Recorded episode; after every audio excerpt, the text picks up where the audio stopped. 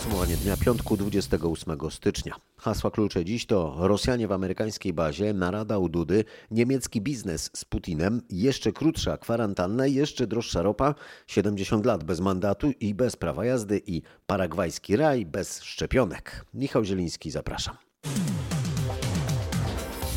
Amerykańska administracja ma już gotowy zestaw sankcji przeciwko Rosji. Mają godzić przede wszystkim w rosyjskie banki, firmy i w import do Rosji, podał wieczorem powołując się na nieoficjalne źródła Wall Street Journal. Ta sama gazeta napisała wcześniej, że w ramach negocjacji z Rosjanami Stany Zjednoczone zaproponowały Moskwie zgodę na inspekcję w ich instalacjach w Redzikowie e, w Polsce. E, Wall Street Journal pisze też, że polskie władze jakoby zgodziły się już na to pod warunkiem, że Rosjanie dopuszczą polskich inspektorów do wyrzutni w Kaliningradzie.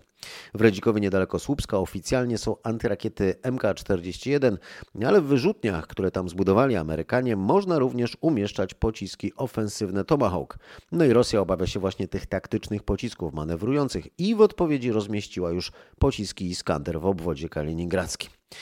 O tym, co tak naprawdę jest przedmiotem targów między Rosjanami i Amerykanami, być może rozmawiali na tajnym spotkaniu prezydenta e, politycy. E, Dziś Andrzej Duda zwołał nadzwyczajne i niejawne posiedzenie Rady Bezpieczeństwa Narodowego w sprawie Ukrainy. Prezydent tłumaczył, że Polska powinna w tej sprawie zajmować spójne, wspólne stanowisko. Tak, żeby działać mówiąc jednym głosem, bo to jest dla mnie bardzo ważne.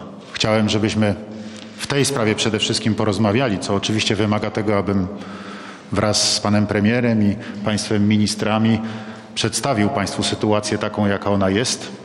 Cieszę się, że rozumiecie państwo problem tej, nie mam żadnej wątpliwości, wspólnej odpowiedzialności za los Rzeczypospolitej w bardzo szczególnej sytuacji międzynarodowej, jakiej no z całą pewnością od początku mojej prezydentury jeszcze nie było, ale Wydaje mi się, że śmiało można powiedzieć, że takiej sytuacji, jaką mamy obecnie, nie było jeszcze od 1989 roku.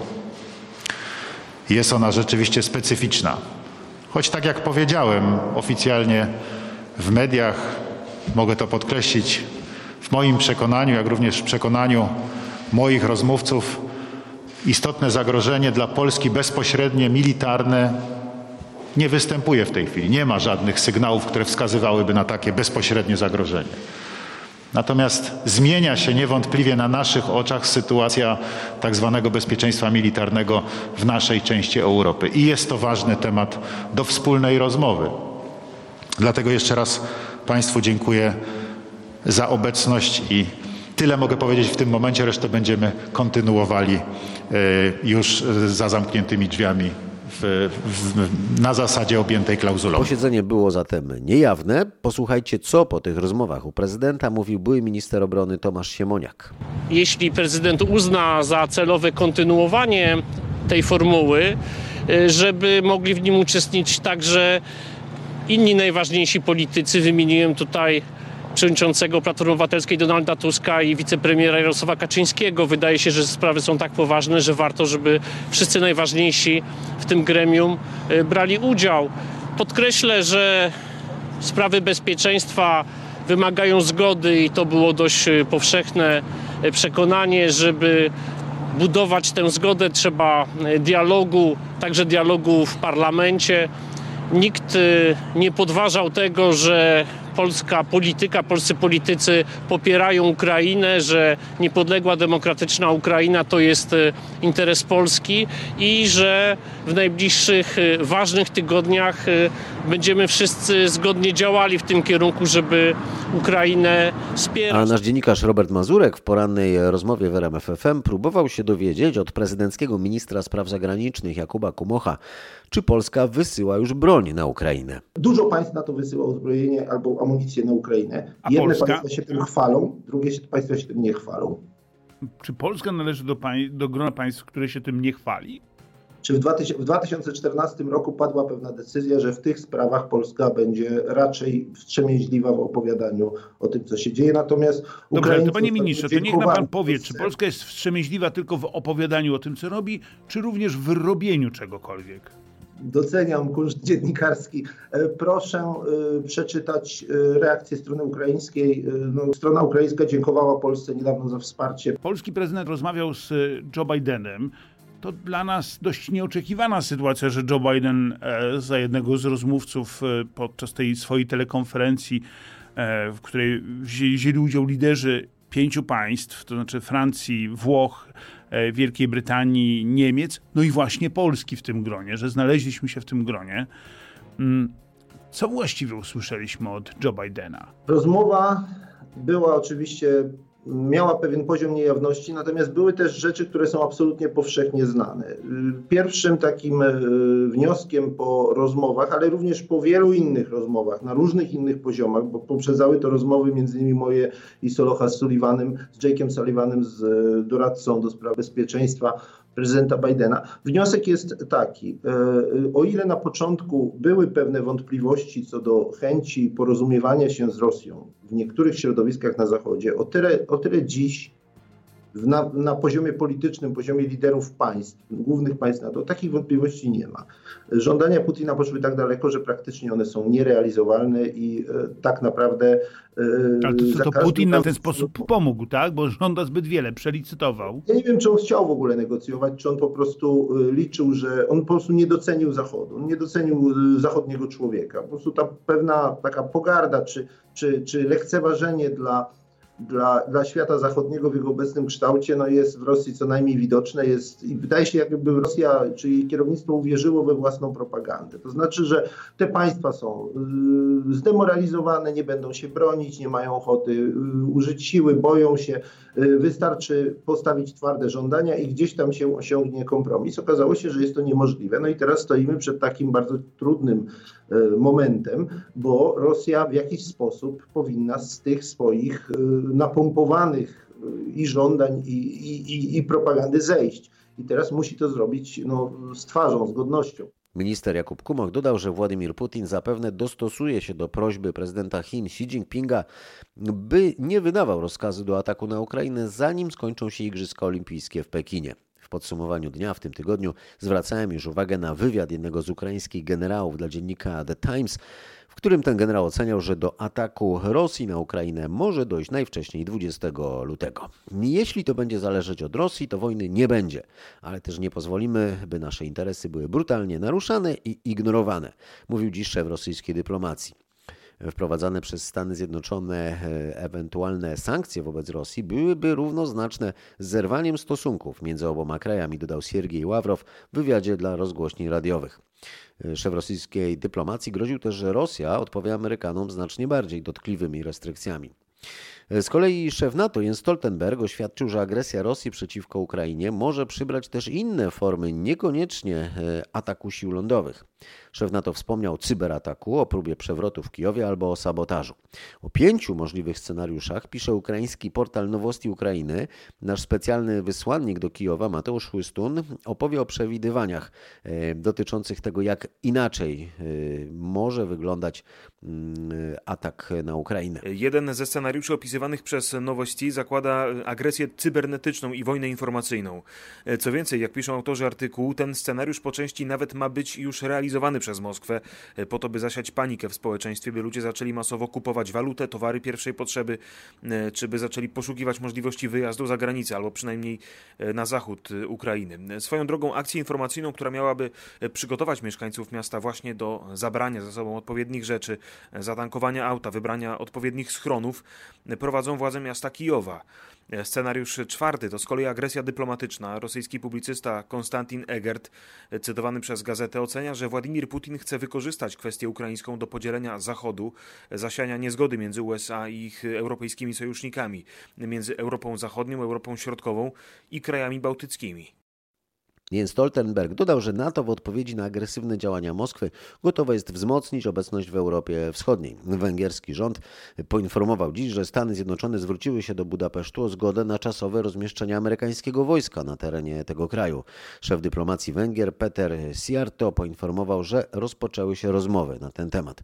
Również litewski prezydent Gitanas Nauseda oświadczył, że jego kraj rozmawia już z władzami w Berlinie o zwiększeniu obecności niemieckich oddziałów na Litwie. Jednak jednak niemieckie Ministerstwo Obrony tych informacji nie potwierdza. Stany Zjednoczone złożyły wniosek o zwołanie w poniedziałek otwartego posiedzenia Rady Bezpieczeństwa ONZ w sprawie kryzysu wokół Ukrainy. Biały Dom potwierdził też, że 7 lutego w Waszyngtonie będzie gościł ze swoją pierwszą wizytą w Stanach Olaf Scholz, kanclerz Niemiec. Informuje o tym e, z Waszyngtonu Paweł Żuchowski. Rosyjska agresja względem Ukrainy miała być oczywiście głównym tematem tego spotkania. Jednak wiadomo, że pojawi się sprawa gazociągu Nord Stream 2. Sekretarz stanu USA Antony Blinken zapewnia, że gazociąg nie ruszy naprzód, jeżeli Rosja zaatakuje Ukrainę. Władze Stanów Zjednoczonych od kilku dni bardzo silnie przekonują, że Niemcy solidarnie będą wywierać presję na Rosji. Jestem absolutnie pewny co do niemieckiej solidarności z nami i innymi sojusznikami w stawieniu czoła rosyjskiej agresji przeciwko Ukrainie, powiedział sekretarz Antony Blinken. Wizyta ma przekonać, że Niemcy, jeżeli Putin zdecyduje się na tak, e, faktycznie podejmą kroki z sojusznikami. Biały Dom zapewnia, że poziom koordynacji między zachodnimi sojusznikami jest bezprecedensowy.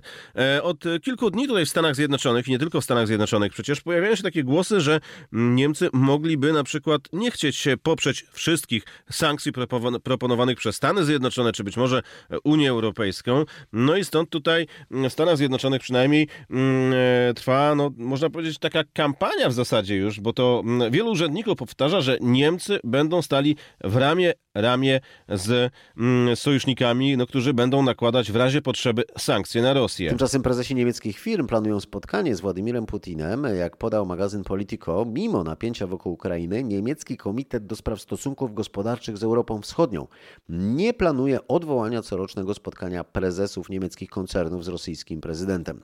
E, ta organizacja lobbyingowa obsługuje m.in. takie firmy jak Volkswagen, Siemens, Allianz czy BASF.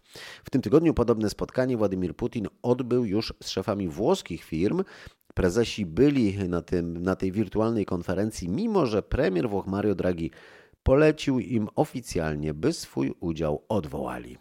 Na razie dziś przez ponad godzinę Władimir Putin rozmawiał z prezydentem Francji Emmanuelem Macronem. Szczegółów nie podano, ale według francuskich mediów e, Władimir Putin ponownie zażądał wycofania wojsk NATO z środkowej Europy. Według rosyjskich agencji obaj przywódcy omawiali kwestię udzielenia Rosji długoterminowych i prawnie obowiązujących gwarancji bezpieczeństwa. A czy według francuskich mediów udało się cokolwiek ustalić? O tym nasz korespondent w Paryżu, Marek Gładesz. Otóż Pałac Elizejski sugeruje, że ustalili w sumie tylko tyle, że chcą kontynuować dialog w przyszłości, czyli jak stało się to już ostatnio niestety pewnego rodzaju tradycją, Putin pozostaje głuchy na apele Zachodu o deeskalację napięć wokół Ukrainy i lokator Kremla znowu zasugerował dzisiaj, że to Rosja czuje się zagrożona z powodu geopolitycznych przetasowań w Europie Środkowo-Wschodniej i stwierdził, że Zachód nie bierze pod uwagę, cytuję, rosyjskich obaw. Na razie jedyna jedyna konkretna zapowiedź to rozmowy na szczeblu szefów dyplomacji Francji, Niemiec, Rosji i Ukrainy za około półtora tygodnia w Berlinie. Przypomnijmy, że dwa dni temu odbyło się w Paryżu spotkanie doradców szefów wyżej wspomnianych państw, po którym zastępca szefa administracji Putina, Dmitrij Kozak, przyznał, że cytuję, wiele kwestii pozostało nierozwiązanych, ale ma nadzieję, że pozycje zostaną zbliżone. Wielu paryskich obserwatorów sugeruje jednak, że za każdym razem władze Rosji poprzestają na pustych deklaracjach, które nie mają przełożenia na rzeczywistość. Dziś dokładnie połowę podsumowania dnia poświęciłem sprawie gry o Ukrainę i szerzej o Europie. Zapraszam teraz na relacje o pozostałych wydarzeniach piątku 28 stycznia. Najpierw o pandemii. Rząd próbuje poradzić coś na rosnącą liczbę osób, które są na kwarantannie, bo coraz więcej firm ma kłopoty z obsadą stanowisk pracy. Wczoraj na kwarantannie było w całym kraju milion dziesięć tysięcy ludzi, a dziś już milion siedemdziesiąt tysięcy. Eksperci spodziewają się zaś, że ta liczba może wkrótce sięgnąć 2 milionów. I dlatego od przyszłej środy po zakażeniu koronawirusem izolacja będzie trwała 7 mm, e, dni, ale od piątego dnia będzie można wykonać test. Jeśli jego wynik będzie ujemny, to będzie to zwalniało z izolacji. Podał dziś rzecznik resortu zdrowia Wojciech Andrusiewicz. Ministerstwo Zdrowia podało też, e, że odnotowano dziś znów prawie 58 tysięcy nowych zakażeń, a już niedługo będzie ich ponad 100 tysięcy, przewidują eksperci. Profesor Agnieszka Szuster-Ciesielska, wirusolog z Uniwersytetu Marii Curie-Skłodowskiej w Lublinie, mówi, że tak naprawdę jednak tych zakażeń może być kilka razy więcej. No w tej chwili opieramy się na prognozach, które mówią, że, że może to sięgać 100 y, tysięcy, a nawet wyżej, na nawet więcej. Pytanie tylko, czy nasz system testowania będzie zdolny udźwignąć taką liczbę y, zakażeń, jeśli chodzi o y, ich wykrywalność, dlatego że ta dzienna wykrywalność w największych porywach sięgała około 100, 120-130 tysięcy a więc biorąc pod uwagę, że jeśli mają być to zakażenia na poziomie 100 tysięcy lub więcej, to oznaczałoby mm, powyżej 80% dodatnich testów wśród wszystkich wykrywanych, a to jednocześnie wskazuje na to, że istnieje, istnieje taka strefa ludzi, tak zwana szara strefa ludzi, którzy y, są dodatni, ale którzy nie są wykrywalni. Tę sytuację miała poprawić, ma poprawić testowanie w aptekach, ale no, logistycznie jest to y, nieuporządkowane do tej pory, dlatego że w skali kraju bodajże na wczoraj były to 64 apteki, które y, były w stanie przygotować takie stanowiska do testowania. Y, kilkanaście dalszych zgłosiło akces, no ale to jest kropla w morzu. Cena ropy przekroczyła kolejną barierę. To są niedobre wieści dla kierowców, no i nie tylko dla wszystkich konsumentów, bo wiadomo, że paliwa napędzają mocno inflację. Cena baryłki w Londynie e, przekroczyła dziś poziom 90 dolarów i to już jest nie tylko drożej niż przed pandemią, ale najdrożej od 2014 roku. W dodatku w ostatnich dniach znów szybko idzie w górę kurs dolara e, i to razem sprawi, że paliwa znów będą droższe. Już teraz te zmiany są widoczne na stacjach. Mimo obniżenia akcyzy, średnia krajowa cena benzyny 95 to w tej chwili niemal 5 zł i 90 groszy, ale oleju napędowego 5 zł i 95 groszy. W przyszłym tygodniu od wtorku, czyli od 1 lutego, wchodzi jednak w życie obniżka VAT-u na paliwa wprowadzona przez rząd w ramach tarczy antyinflacyjnej i dzięki tej obniżce za litr benzyny czy oleju napędowego powinniśmy płacić jakieś 5,20-5,30. Jednak kolejne dostawy na stacje będą już coraz droższe i mimo tej obniżki podatków znów ceny ruszą od razu w górę. A od połowy miesiąca dolar podrożał już o 15 groszy i teraz trzeba zapłacić za amerykańską walutę 4 zł i 12 groszy. Euro drożeje do 4 zł i 60 groszy, a frank do 4 zł i 43 groszy. Na giełdzie w Warszawie WIG20 spadł dzisiaj o 2,3%. Drożeć będą również owoce i warzywa. Dalsze podwyżki, nawet kilkunastoprocentowe, przewiduje sadownik, e, prezes Krajowego Związku Grup Producentów Owoców i Warzyw Witold Boguta. Wzrosły ceny nawozów, czasami nawet o ponad 100%. Zapowiadana mm, jest mm, zwyżka cen środków ochrony roślin. Wzrastają koszty robocizny, chociażby z tego powodu, że mm, mamy od 1 stycznia nową e, płacę minimalną, prawda, i nową stawkę godzinową. Istotnie wzrosły koszty opakowań, że nie wspomnę już o energii elektrycznej, która tu jest cały czas potrzebna w tej produkcji. Może, może mniej gaz, prawda, w produkcji ogrodniczej jest wykorzystywany, natomiast energia elektryczna tak. Prezes Witold Boguta dodaje, że ceny gazu są jednak kluczowym składnikiem kosztów w produkcji szklarniowej. Wstrząsające dokumenty będziemy wnioskować o odtajnienie części z nich, mówili po niejawnym posiedzeniu senatorowie z Nadzwyczajnej Komisji do Spraw Nielegalnej Inwigilacji.